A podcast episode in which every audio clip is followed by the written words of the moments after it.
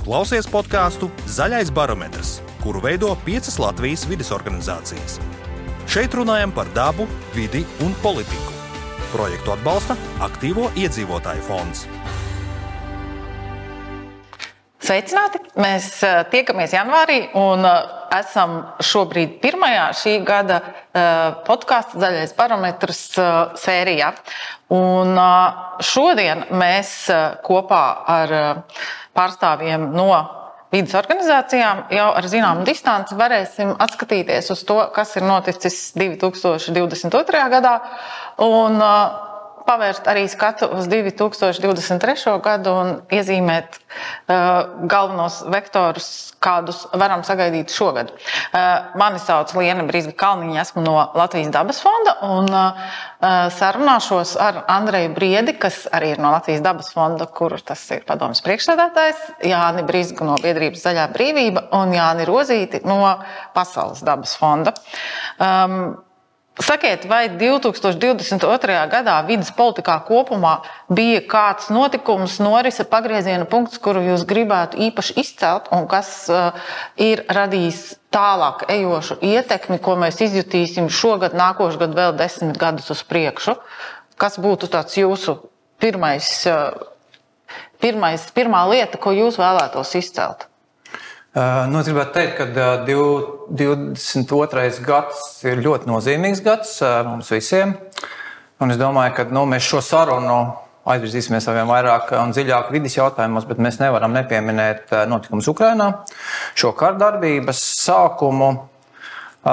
Kur līdztekus nu, milzīgai, no šodienas acīm studijas, milzīgai humānai krīzē, mēs nonākam arī pie milzīgiem vides postījumiem, kam noteikti tavam jautājumam, vai tam būs nu, teikt, nākošo desmit gadu sekas, mēs varam teikt, jā, un, un tie līmeņi būs dažādi. Viens ir Ukraiņas līmenis, un uh, ši, šis piesārņojums, vidas piesārņojums, gaisa, zemes, ūdeņa piesārņojums ar milzīgiem triecieniem bioloģiskai daudzveidībai, jo tiešām ir uh, nu, negatīvi ietekmētas dažādas bioloģiski augstvērtīgas vietas, uh, īpaši aizsargāmas dabas teritorijas. Tam ir, nu, jo, jo mēs zinām, ka Ukrainā ir arī dažādas endēmiskas sugas, kas roti tikai vienīgi Ukraiņas teritorijā. Un līdz ar to nu, mēs varam runāt par to, ka ir riski uz atsevišķām sugām, ka tās varētu pat izzust kārdarbības rezultātā. Pro, un blakus, protams, mums jāstāsta arī ir nu, šis emisiju jautājums, ko nozīmē kārdarbība. Bet tad, tad, tas ir tas Ukraiņas līmenis. Tad nākamais mēs varam cīnīties, ko tas nozīmē agresoru valstī, Krievijā.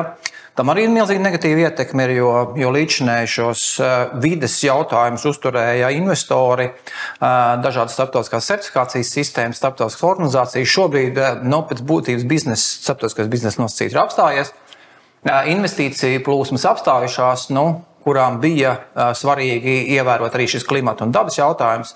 Saprotiskās certifikācijas sistēmas ir apturējušas šo darbību saistībā ar dabas resursiem. Tas nozīmē, ka tur ir milzīgi riski gan dabai, gan klimatam šobrīd pašā Krievijā, jo arī Krievija iepriekš bija viena no tām valstīm, kam ir lielākās emisijas pasaulē.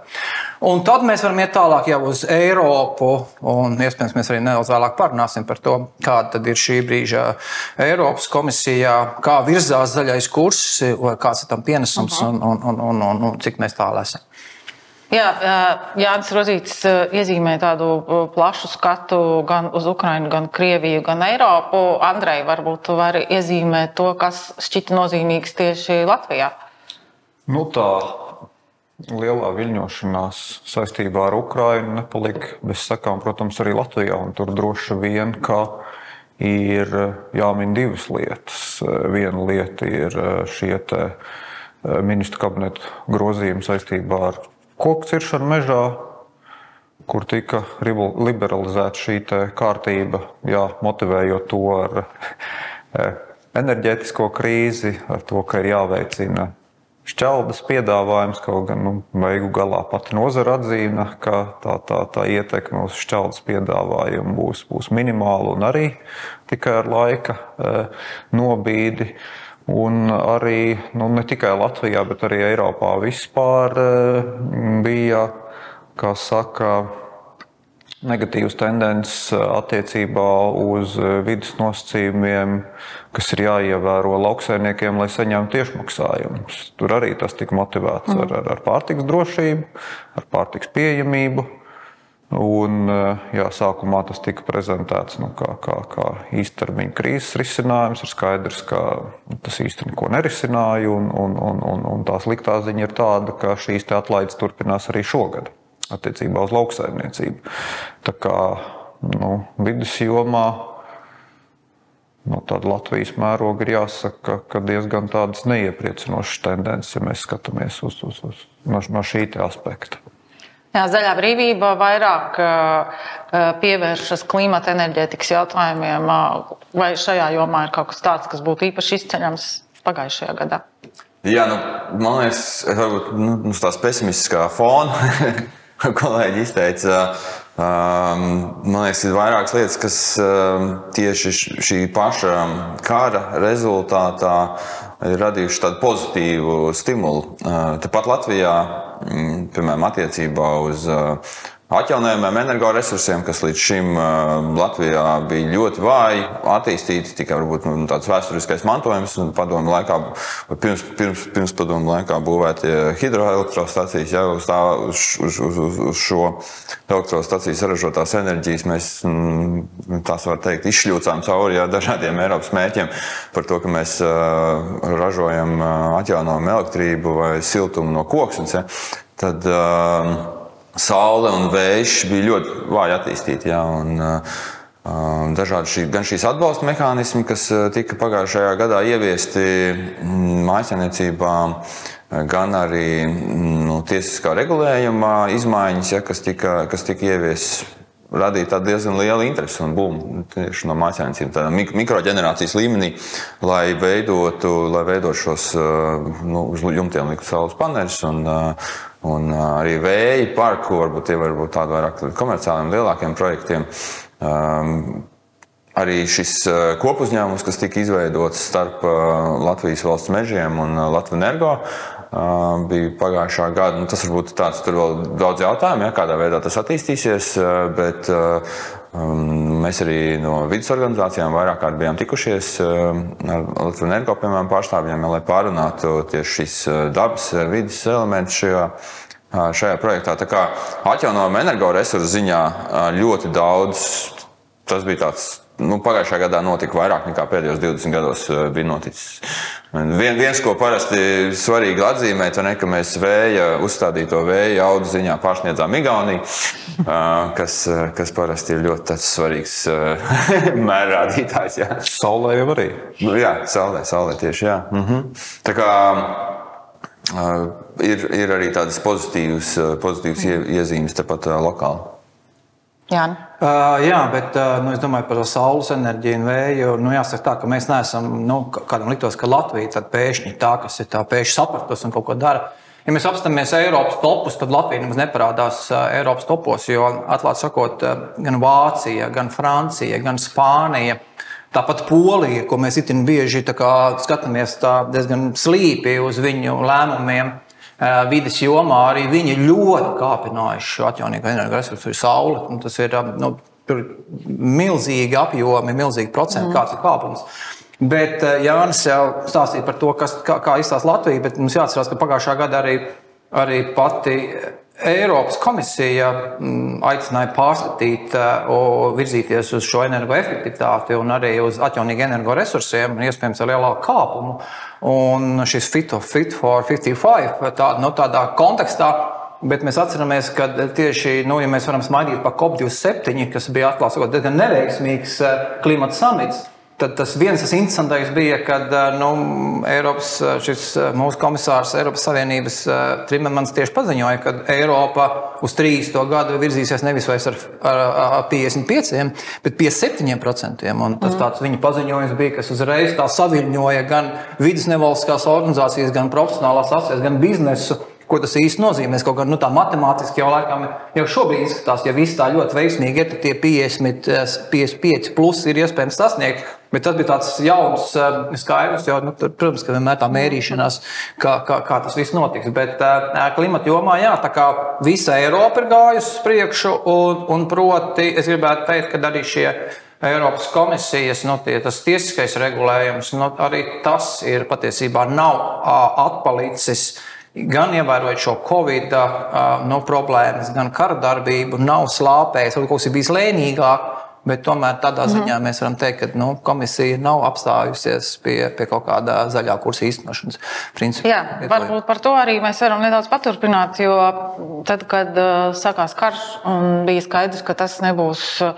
Īstermiņa process, un šis būs garš un ilgs stāsts, tad arī pamazām parādījās bažas un dažādi signāli par to, ka dažādas lielās industrijas varētu karu izmantot kā aizsegu, lai varētu intensificēt savas, sa, savas darbības lauksaimniecībā, mežsaimniecībā, ko Andrejs jau pieskārās.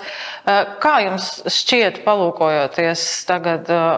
Jau ar nelielu eh, distanci uz pagājušo gadu, eh, kā zaļais kurs mainījās. Vai tas mainījās, un eh, kāda šobrīd ir tā nu, zaļā kursa veselības stāvoklis, vai Eiropas līmenī ir pietiekams atbalsts to noturēt, jo mēs arī vērojam gana daudz dažādu lobby organizāciju un arī mūsu pašu uh, jaunajā valdībā ir bijuši dažādi signāli, kas liecina par to, ka nu, zaļā kursa kritika ir pārcēlusies no tādas uh, atsevišķu organizāciju ju, uh, līmeņa jau, jau, jau tādā augstākā, vienotākā līmenī? Uh, es varu sākt. Tūlīt kolēģi neteikt, ka papildinās dažādos virzienos. Nu, es gribētu teikt, ka nu, vismaz tik, cik es sekoju ikdienā līdzi, nu, nebūtu pareizi apgalvot, ka zaļais kurs kaut kur būtiski ir atpalicis no savas virzības. Lai arī mums ir Eiropas Savienībā ir ļoti dažādas valdības, arī šis 2022. gads ir raksturīgs ar to, ka arī šur tur ne tikai Latvijā, bet arī citur notika vēlēšanas, un arī valdības tika mainītas.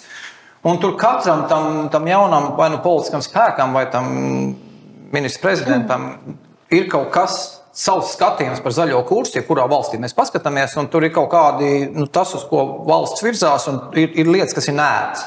Bet, bet, bet, bet kādā ziņā ir skaidrs, tas, ka šīs nērtās lietas ļoti maz sakrīt.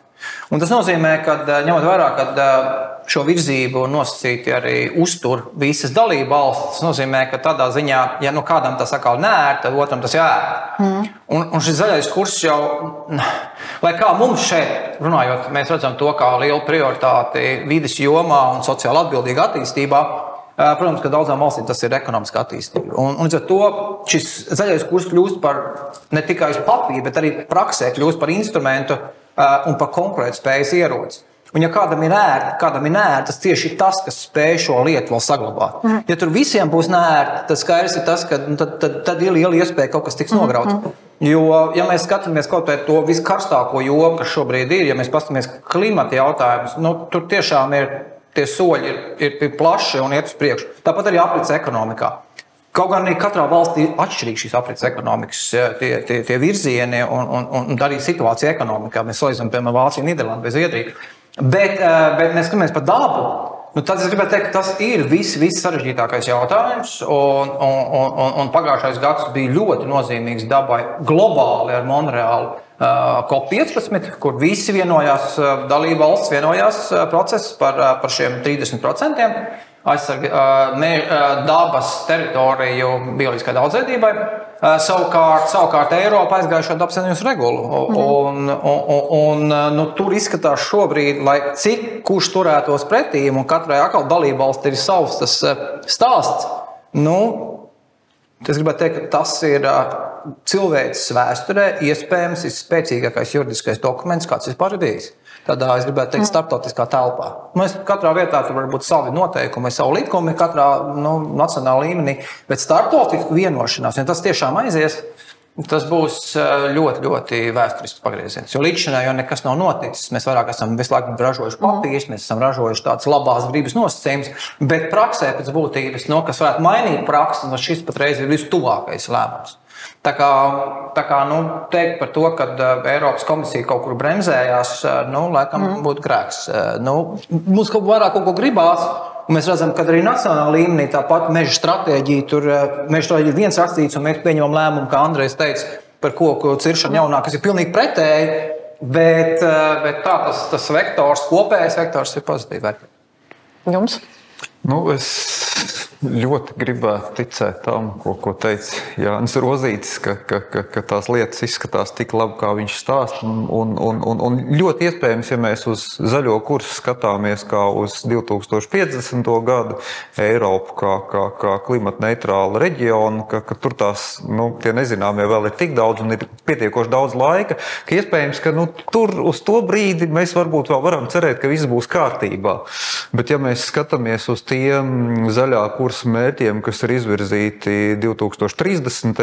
gadam eh, attiecībā ar lauksaimniecību, meža saimniecību, stratēģiju no lauka līdz galdam, bioloģiskās daudzveidības stratēģiju, tad es piedodiet eh, ļoti skeptiski uz tām lietām skatos. Jo eh, nu, pagā, līdz pagājušā gada beigām tika apstiprināti visu valstu kopējās lauksaimniecības politikas stratēģiskie plāni.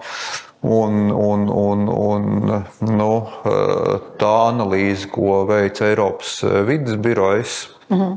Un dalību organizācijas rāda to, ka faktiski tas, ko dalībvalstis jau šajā brīdī ir apņēmušās darīt līdz 27. gadam, ka faktiski ka, ka, ka, ka tās rīcības ir nepietiekamas, lai mēs spētu sasniegt tos mērķus, kas ir saistīti ar lauksaimniecību. Tas nozīmē to, ka ļoti iespējams, ka 25% bioloģiski lauksaimniecībā certificētās zemes Eiropas Savienībā netiks sasniegts. Mm. Tas nozīmē to, ka visdrīzāk 50% samazinājums pēc bīstamo pesticīdu izmantošanā netiks sasniegts. Līdzīgi arī ar citiem šiem te no lauka līdz galdam un biodaudzveidības stratēģiju izvirzītajiem mērķiem. Tā kā, uh, laiks iet uz priekšu, esam jau 23. gadā, un, un, un nu, tā bilde no, no, no manas skatu punkta izskatās diezgan, diezgan, diezgan bezcerīga. Tad uh, Eiropas Savienība kopumā paceļ latiņu, iet uz priekšu, dara progresīvas lietas, un dalība valstis ir tās, kas uh, velk atpakaļ? Uh, jā, jā, jā, tas, tas progre, pro, problēmas cēlonis šajā brīdī, diemžēl, ir vairāk uh, dalību valstu pusē. Mm. Un, un, un skaidrs, ka nu, dabā daudzām lietām ir šī inerce, un jo ilgāk tās tendences ir negatīvas, jo vairāk laika mums būs vajadzīgs, lai to tendenci pārlaustu, un mm. būs lietas, kur mēs vienkārši būsim nokavējuši. Kur vienkārši, nu, lai arī ko mēs darītu, nebūs labi. Jā, vai tev ir vēl kas piebilstams pie šī optimistiskā un pesimistiskā? es kaut kā pa vidu ceru. Um, jā, nu, es domāju, ka. Uh, Arī klimata mērķu kontekstā skatoties, eh, nu, nav tādas pārliecības, ne, kad, eh, kad Eiropa spēs izpildīt visus tos savus mērķus. Mums ir palīdzējis Covid, tur citas recesijas, tādas, kas, eh, kas ir tās emisijas ļāvušas mazināt, bet tas jau nav bijis tāda apzināta rīcība. Ne? Tas ir ārēji faktori, kas ir to kas mūs ir ietekmējuši un noveduši pie kaut kādas situācijas. Paskatāmies globāli, tie apņemšanās, ko valsts ir iesniegušas, arī kļūt klimata neitrāls līdz 50. gadam vai līdz 60. gadam, kā nu kur. Uh, un to, ko viņas ir uh, paredzējuši darīt, ja, tā, tur neiet kopā tā bilde. Tas mērķis un tās rīcības šodienas uh, īsti, īsti neiet kopā. Un tas nav tikai klimata ziņā, tas ir lauksaimniecībā, citās jomās līdzīgi. Viens ir uh, tas mērķis, bet man liekas, ka politiķi daudzos gadījumos nav gatavi um, tās rīcības. Um, nu, pieminēt nemaz, kas būtu jādara, lai tos mērķus sasniegtu. Un, un tas arī Latvijā mēs skatāmies uz transporta sektoru, uz to pašu zemes lietojumu. Ja. Tām izmaiņām, kam ir jānotiek tajos sektoros, tur, tur neviens par to nav gatavs runāt un, un par to, kā mēs atteiksimies no iekšzemes dzinēja. Kā, šķiet, kā, kāpēc nav gatavs? Vai tā ir atsaukšanās tas ir... kādam iedomātam sabiedriskās domas spiedienam, vai tas ir kāda saistība ar uz, uzņēmēju darbību, korporatīviem domāju, tas ir vai... nu, vien kopā dažādas lietas. Nu, piemēram, autotransportā ja, mums ir skaidrs, ka mums ir jāatsakās no iekšzemes dzinējiem, mums ir jāatsakās no, no, no, no automašīnām, arī kopumā, arī no elektroautomašīnām. Es nedomāju, ka 50. gadā varēs būt tik daudz automašīnu kā šodien. Ja. Tās nav lietas, ko cilvēkiem es saku, ah, jā, re, mums baigā iespēja atteikties no automašīnām. Un, mm. uh, tur vajag izdomāt, ko tad darīs tas lauka cilvēks, kurš jau tagad nevar no, nokļūt pie ārsta vai veikalā. Ja. Kā tad viņš Kā, kā tad būs tie risinājumi? Tur diezgan daudz ir jādomā, jaunas lietas jāizdomā. Ne? Tāpat zemes lietojumā un, un citās lietās ir, ir nu, jānotiek būtiskām izmaiņām. Un, tā, tā inerce vai tā pretestība ir ne tikai no biznesa, un ko mēs bieži vien piesaucam, ja nu, kaut kāda biznesa lobby, kuriem -hmm. ir ierasts niša, kur viņi pelna un kāpēc viņi kaut ko darītu un kaut ko mainītu. Arī cilvēkiem ir daudzas lietas ļoti, ļoti ierastas. Katram no mums, ja mēs neesam nu, tādā kaut kādā ideālā situācijā savādāk nekā, nekā daudz citu Latvijas iedzīvotāju.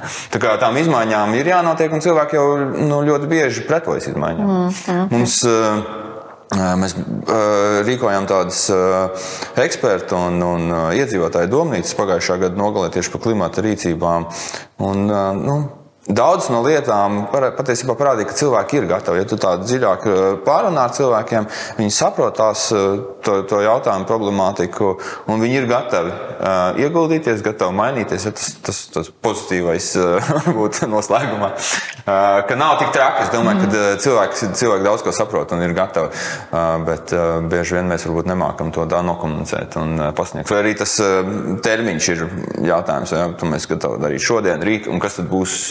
Kā mēs varam palīdzēt cilvēkiem tās pārmaiņas īstenot. Jā, mēs eh, esam pieskārušies zaļajam kursam, kur kādas lielas, eh, liela valsts uzņēmuma vadītājs nesen kādā intervijā nosauca par filozofisku konceptu, lai nu, tā būtu.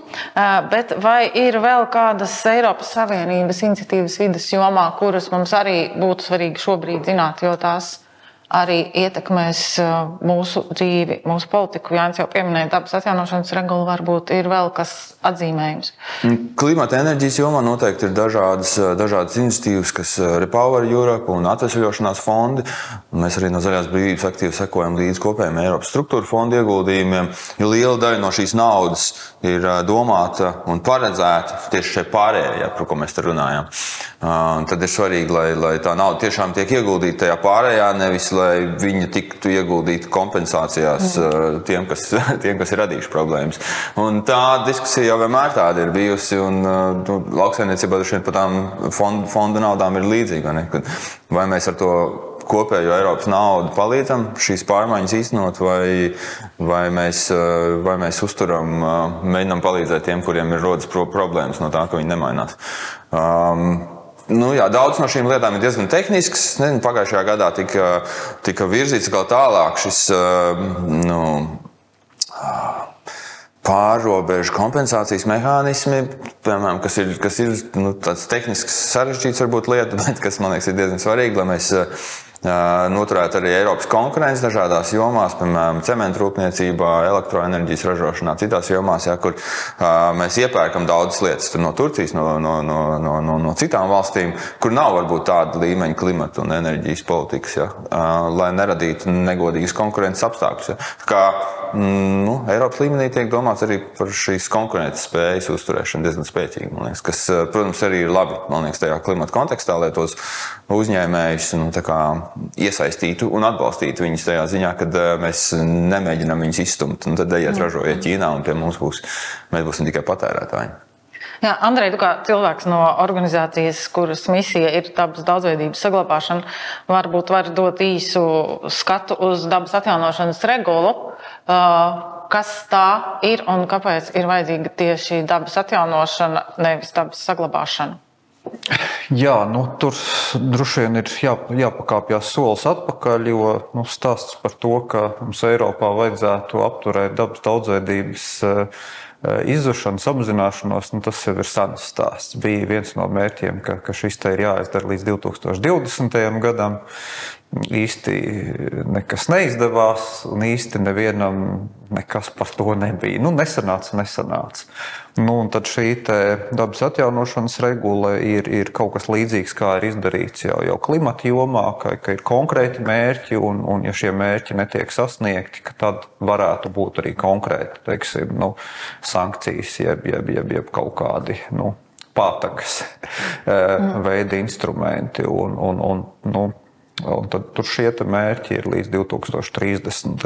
gadam. Eh, par, par saturu runājot, tad, un, un ļoti to vienkāršojot, tad droši vien, ka tur eh, ir vērts pieminēt divus skaitļus - 30% un 10%. Proti, 30% būtu tās teritorijas, kuras Eiropā mums ir aizsargājumās, un runa ir gan par savvaļas, gan par, par jūras teritorijām. Un tad eh, šo 30% robežās būtu jābūt arī 10%, kas tiek stingri aizsargāti.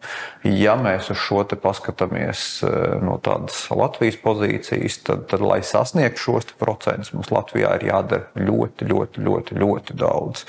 Jo, nu, Nevienam nav noslēpums, ka Latvija ir ar otro viszemāko aizsargājumu Natūra 2000 teritoriju tīklu visā Eiropas Savienībā. Eh, tas ir tikai procents, tā ir tikai teritorija. Ja mēs skatāmies uz faktiski aizsargātajām teritorijām, kur, kur patiešām ir kaut kāda mērķtiecīgas darbības vai ierobežojumi dabas aizsardzības virzienā, tad eh, tās platības ir eh, krietni, krietni mazāks un tur līdz 10% stingri aizsargātām teritorijām, nu, vēl ir ļoti daudz ko darīt.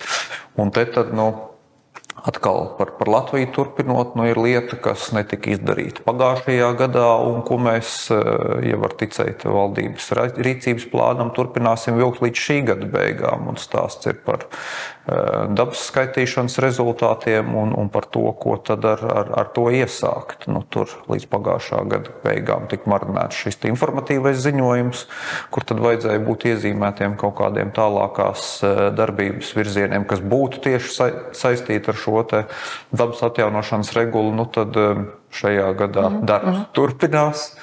Nu, tad gada beigās ceram kaut ko ieraudzīt, bet nu, tas jau būs 2024. Uh, gads, turpat pie durvīm, un līdz 30. gadam būs atlikuši vairs tikai seši gadi. Tā kā nu, piedodiet, atkal būšu skeptisks. Jā, šie 30% bija arī viena tēma, kuru noteikti mums vajadzētu apspriest, jo Eiropas Savienības mērķi nosaka šo 30% aizsargājamo teritoriju īpatsvaru. Daudzi mēdz uzdot jautājumu, kāpēc 30? Un vai tiešām visām valstīm vajag 30? Varbūt mēs varam 15, un tad tiem, kuriem ir švakāks ielai, ņem 35, un tad mēs kaut kā vidējo izvilksim.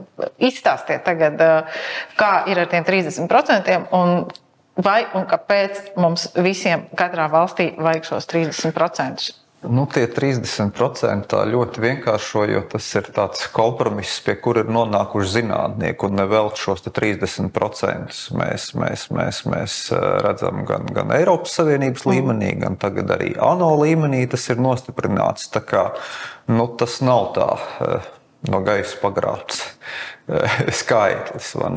Par to, vai tiešām visiem vajag, es teiktu, ka jā, jo nu, man ir pilnīgi vienalga cik ļoti dabu sargā.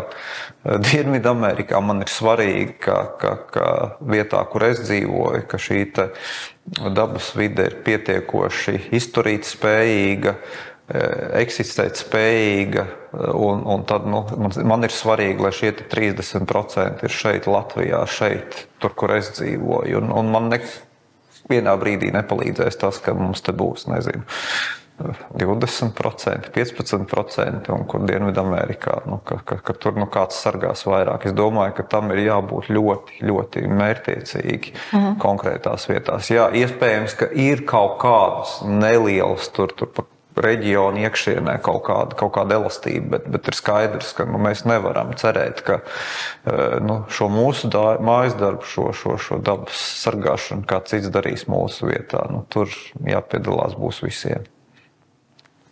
Vai tev ir kas piebilstams par 30%? Nu, jo es pieļauju, ka ir.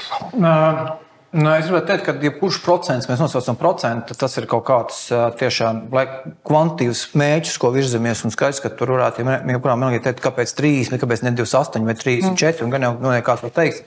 Un tam nebūs tāds, es gribētu teikt, dziļi pamatot, argumentēt zinātnē, apakšā, kāpēc tieši 30, kāpēc ne 33, ja mm -hmm.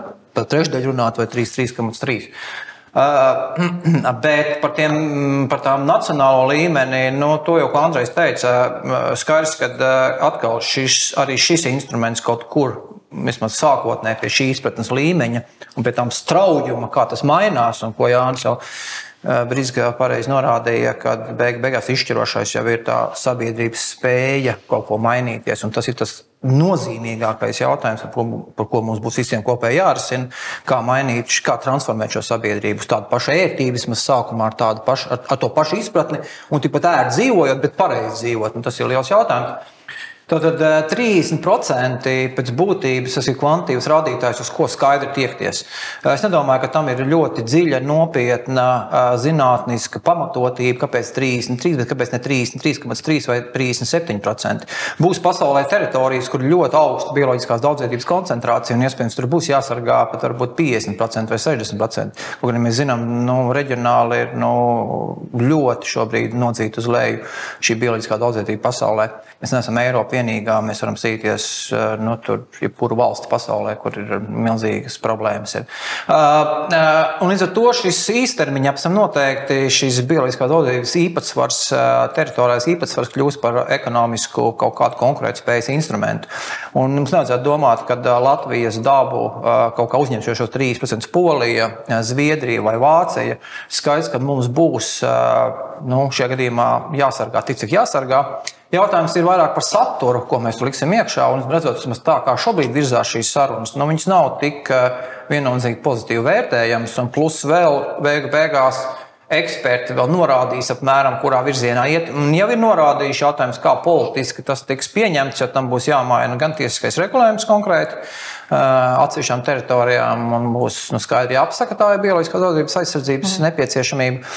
Un tur būs nu, tāds liels izšķiršanās, un paralēli tam vēl no šobrīd Latvijā notiek arī Eiropas Savienības nu, šīs Natūra 2000 paplašināšanas nu, vajadzība, un, un tur mums ir no muguras arī Eiropas komisijas pārmetums, ka Latvijā mēs neesam sargājuši dabu konkrētajā nu, apjomā vai konkrētā kvalitātē. Un, bet tā ir tikai aizbēga redzamā daļa. Tur aiz muguras ir vēl daži dažādi potenciāli pārmetumi, kas varētu būt no Eiropas komisijas. Līdz ar to nu, mēs esam Latvijā sprukās. Mēs neesam mm. neko darījuši.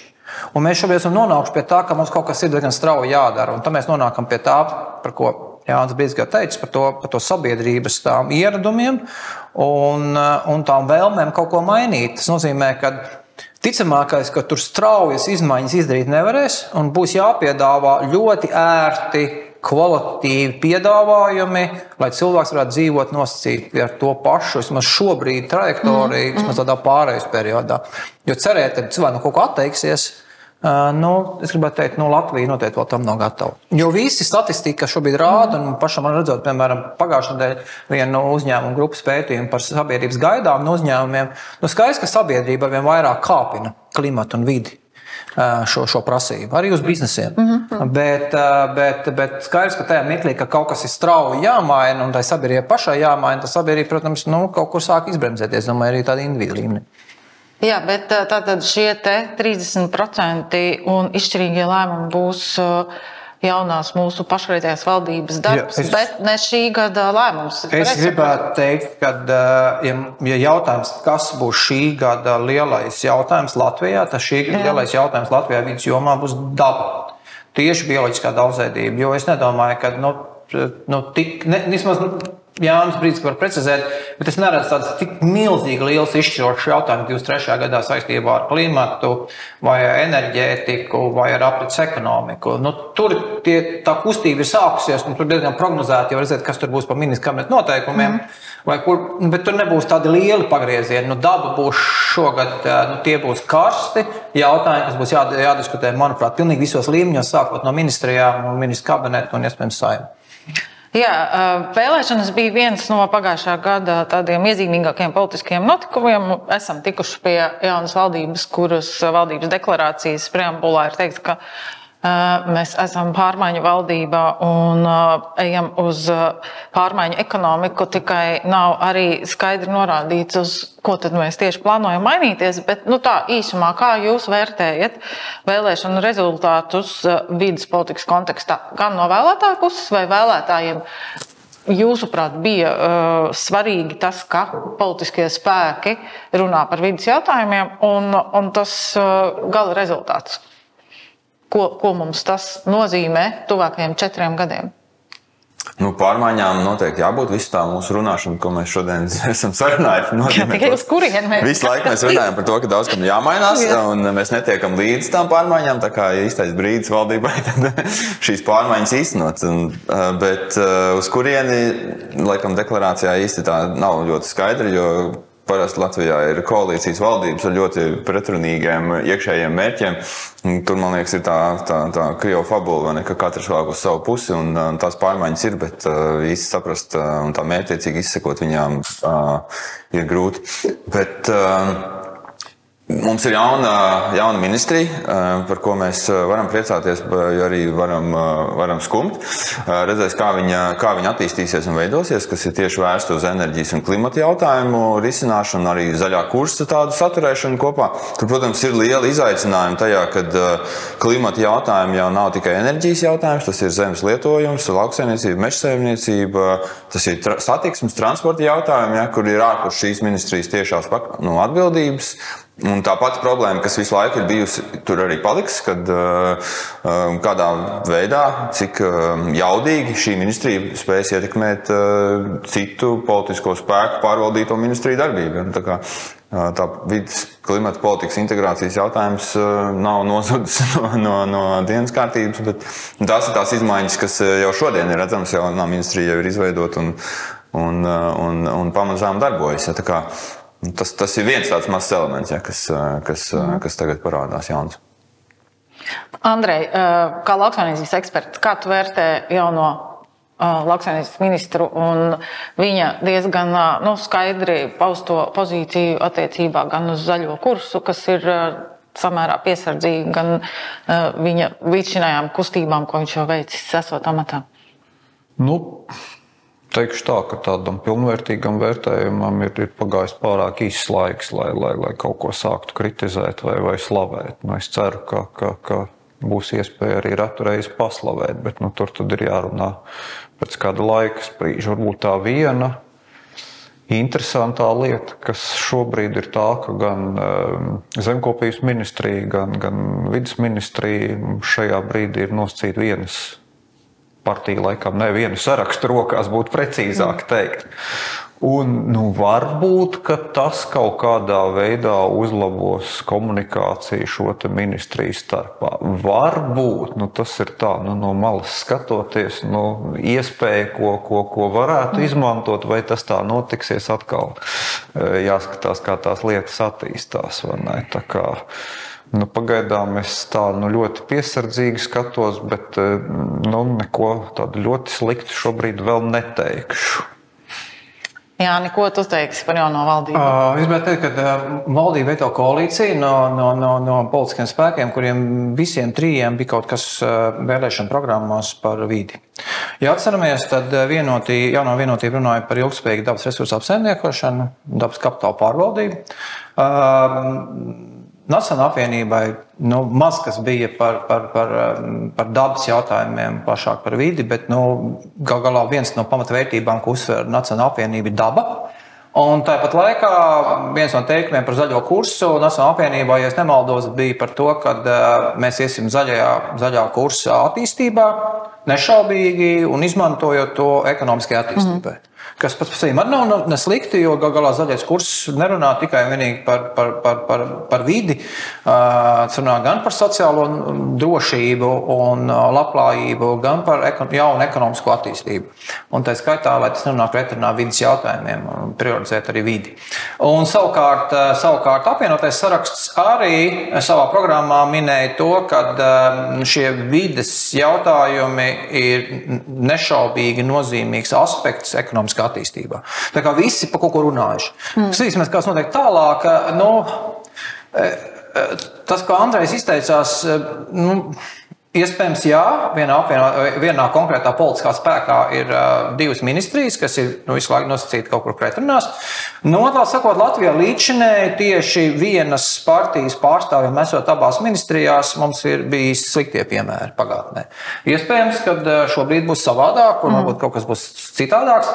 Skatīsimies. Um, konkrēti, pienot zemkopības ministru pagājušā nedēļā bija šajā. Um, jau Eiropas līmeņa pasākumā, kur tieši tas bija tika veltīts šādām diskusijām par klimatu un bioloģisko daudzveidību, kā attīstīsies pārtiks nodrošinājums. Un, un, un, un Šmitkungs arī saprot, ka viņš kaut kā izteica arī savu viedokli. Nebūt, tas viedoklis netika šobrīd kaut kā pozicionēts, ka tas ir pretēji mm. nu, Eiropas Savienības, jau Eiropas komisijas tam virzītājiem. Tā kā nu, mēs skatīsimies. Uh, Kas notiks tālāk? Nu, valdības deklarācija ir, kā mēs visi vieno šobrīd sakām, ir viss, un, reizē tas ir nosacīta putra, jo tur ir vienā, vienā tajā paredzētajā konkrētajā punktā ir divas pretrunīgas lietas. Mēs tur izvirzām bioloģiskās daudzveidības nozīmību un meklēsim tur risinājumus, kā to darīt, bet tas nevar nonākt nekādā pretrunā ar kādu ekonomisko attīstību. Mm, nu, tas jautājums vispār, ko nozīmē attīstība, mm. un otrkārt, nu, jās, jāsaprot, kas būs gal galā prioritāte. Mēs neviens no mums laikam, nedomā, ka nevajadzētu domāt par kaut kādu labklājību, arī ekonomisku, socioekonomisko labklājību. Mēs tur nav pat strīdi. Jautājums ir, vai mēs vispār ieliekam iekšā mm. pamatbūtībā šos dabas kvalitātes. Un tad mēs būvējam uz dabas kvalitātēm šo socioekonomisko nu, labklājību, nevis otrādi socioekonomiskā labklājību, un tad mēs kaut kur piemetam to dabu laba, nu, kur galīgi nav garlaicīga vai nu, nekas netraucē. Un tie ir fundamentāli, kas ir tas, kas ir tas pamat, pamat, pamat vilkme. Tā kā skatīsimies, nu, runājot par to, par, par, par Jāņa Brīsīs pieminēto jauno ministriju, nu, jā, nu, tas ir absolūti pretrunā. Jo šis lielais jautājums, klimats un bioloģiskā daudzveidība, dzīvā daba, nu, nu visur pasaulē zinātnē ir skaidrs norādes, tas nedrīkst nekādā veidā būt konfliktējošs. Šobrīd mēs atkal atstājam telpu konfliktiem. Un, nu, skatīsimies, tiešām, cik būs varams gatavs runāt un savā prioritātēs par izvirzīt dabas jautājumus. Šobrīd izskatās, ka varamam prioritāte ir reģionāla attīstība.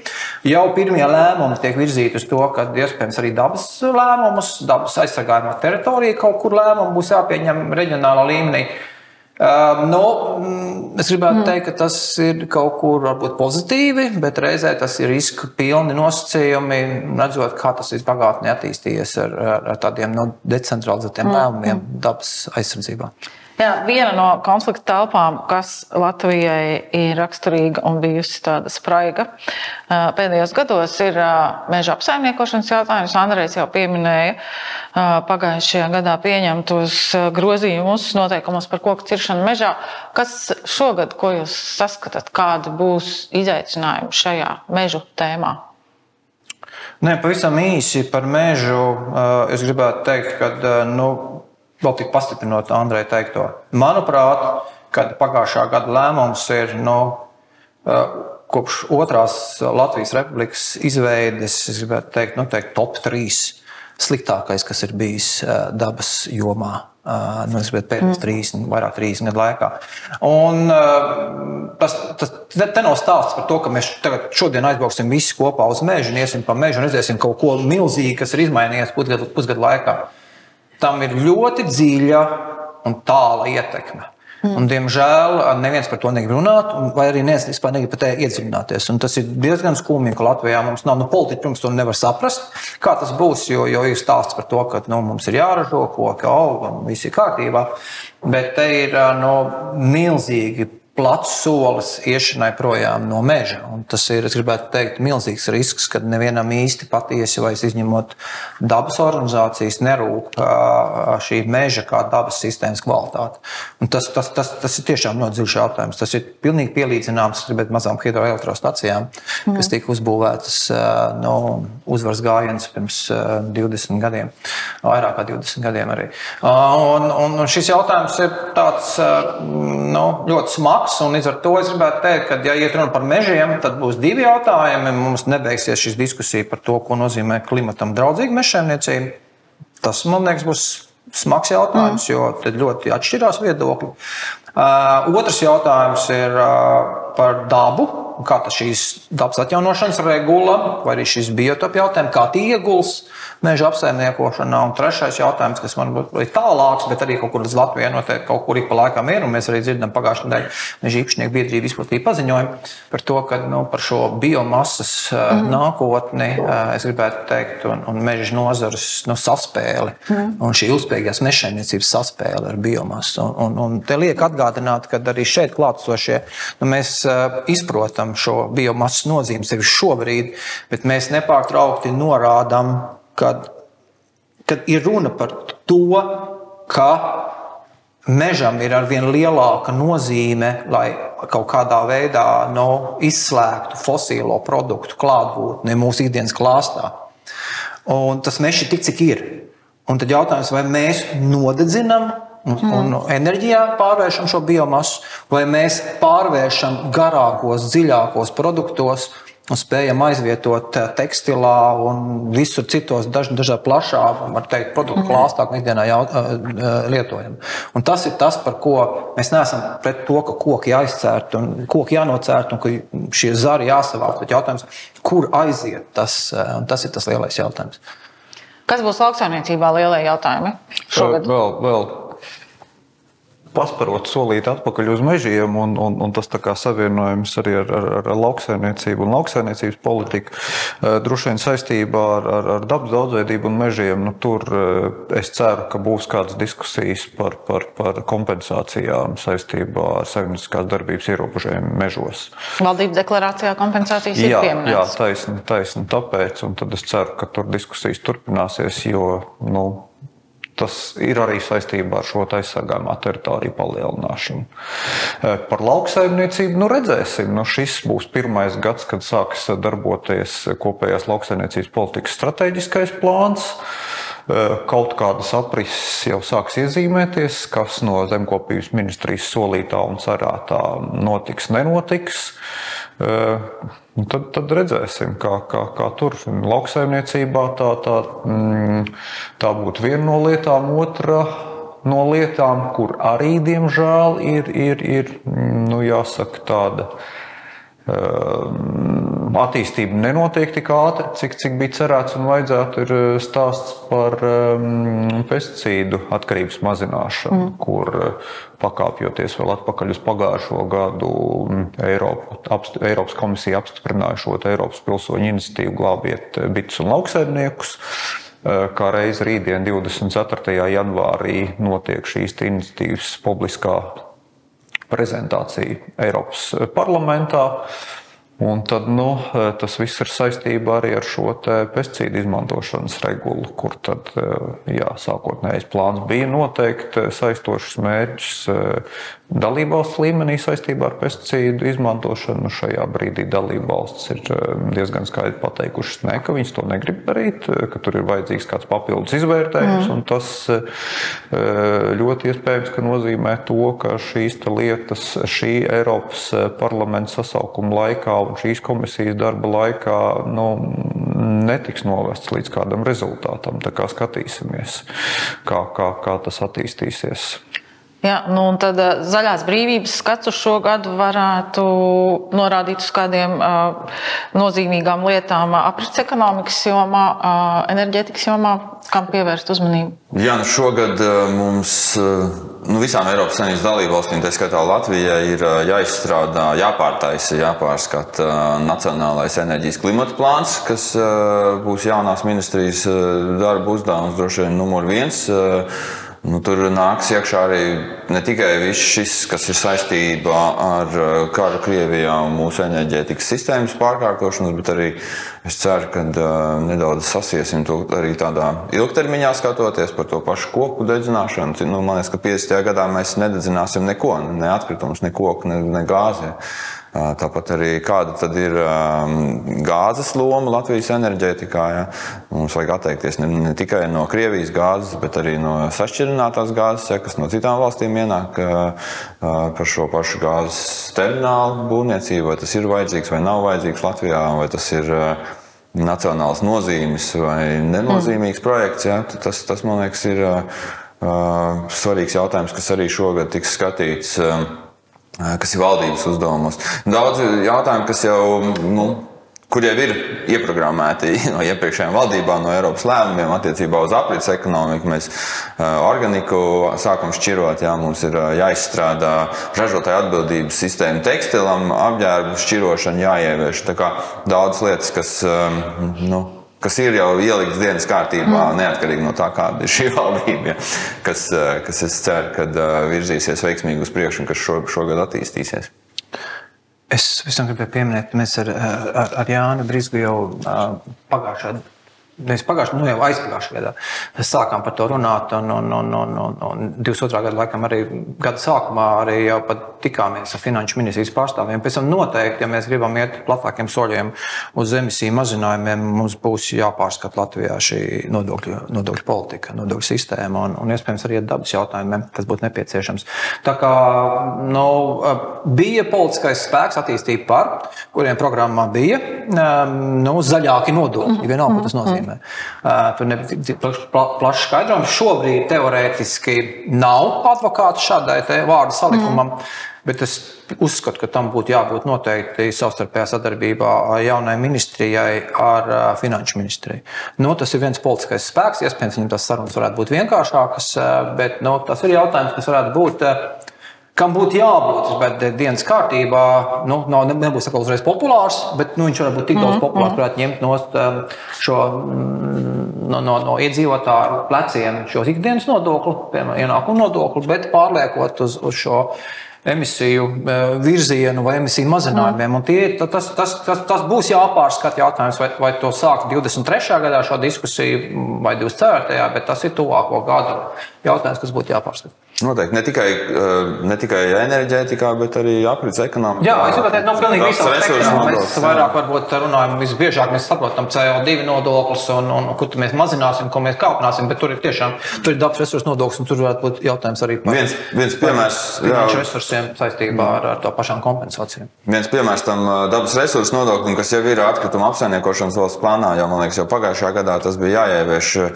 Pašlaik uzņēmumi, kas laiž tirgu iepakojumu, kas Latvijā nav iespējams pārstrādāt, kurš netiek pārstrādāts, joprojām ir atbrīvots no nodokļu maksāšanas. Ja. Kas man liekas ir absurds. Un joprojām valdība nav spējusi šo nu, subsīdiju principā, izņemt no ražotājiem. Ja. Tā kā, man liekas, tas būtu viens no pirmajiem soļiem, kas būtu jāizdara šajā nodokļu, nodokļu reformas virzienā. Zaļais barometrs pošās uz tikšanos ar katru no trīs uh, mūsu tēmās svarīgajiem ministriem. Uh, izmantojiet iespēju un uh, īsi uzdodiet uzdevumu šogad politiķiem dabas, vidas un klimata jomā ko arī pēc tam tikšanās laikā droši vien varēs arī sīkāk izstāstīt. Bet, nu, kā, kā, kas būtu tas galvenais darbs, galvenais vēlējums, ko politiķiem šogad vajadzētu paveikt? Ja man būtu jāvērš pie mm, jaunizveidotās klimata enerģijas ministrijas eh, vadības, eh, tad es noteikti aicinātu padomāt par tiem mehānismiem, kas, eh, kas palīdzēs to klimata politikas integrēšanu šajās citās nozarēs. Ja. Um, satiksmē, lauksaimniecībā. Ja, tas, man liekas, viens no tiem galvenajiem izaicinājumiem šai ministrijai. Tāpēc ir jādomā par mehānismiem, kas, kas ļauj to vispār kaut kādā veidā īstenot. Nepalikt tikai tās enerģijas, enerģijas lauciņā? Uh, nu, mēs tās lietas, par ko mēs šodien runājām, laikam es neatkārtošos. Un arī pie šī, šī gada, man liekas, lielās virsmas daba Es vairāk sītos vēl uz citu vienu ministriju, nevis tām trijām, ko mēs esam nodomājuši mm. apmeklēt. Es ļoti sagaidītu, ka kaut kas nu, kvalitātēs pieaugtu izglītības sistēmā saistībā ar klimatu un dzīvo dabu un resursu, materiālo resursu ietilpību. Līdz ar to es sagaidītu, ka kaut kāda paziņojuma mm. vai, vai, vai kaut kas būtu saistībā ar Latvijā no izglītības zinātnes ministriju. Um, es droši vien aicinātu ministrus domāt par vērtēšanas sistēmu, par vērtēšanas sistēmu, kur viņi skatītos, kā konkrētie pasākumi, politikas pasākumi, kas šobrīd tiek izmantot it kā dabas daudzveidības mērķu sasnieg, sasniegšanai, kā viņi faktiski darbojās. Un tas eh, patiesībā būtu mājas darbs, lai mēs varētu sagatavoties tam finansējumam, ko Eiropas Savienība nodokļu maksātāji atvēlēs dažādu vidas mērķu sasniegšanai pēc 27. gada. Jo šajā brīdī, nu, tik ilgi, kamēr mēs cīnāmies par naudu, tā, tā, tā vide tiek pieminēta un saka, ka mums vajag naudu, lai sasniegtu vidas mērķus, bet realitāte, diemžēl, ir tāda, ka tajā brīdī, kad, kad, kad nauda kabatā, tad mēs par vidi aizmirstam. Un tas patiesībā ir ļoti liels risks, ka vienā brīdī sabiedrība un Eiropas parlaments pateiks, ka nē. Jūs pietiekoši daudz saņēmuši, jūs neko neesat darījuši, vai esat darījuši neadekvāti maz. Un, un, un, un, un, nu, tas, manuprāt, ir Latvijas nacionālajās interesēs skatīties, kā mēs šo naudu tērējam. Paldies, kolēģi! Ar dažāda pesimisma un optimisma toņkārtas skatu uz pagājušo un šo gadu.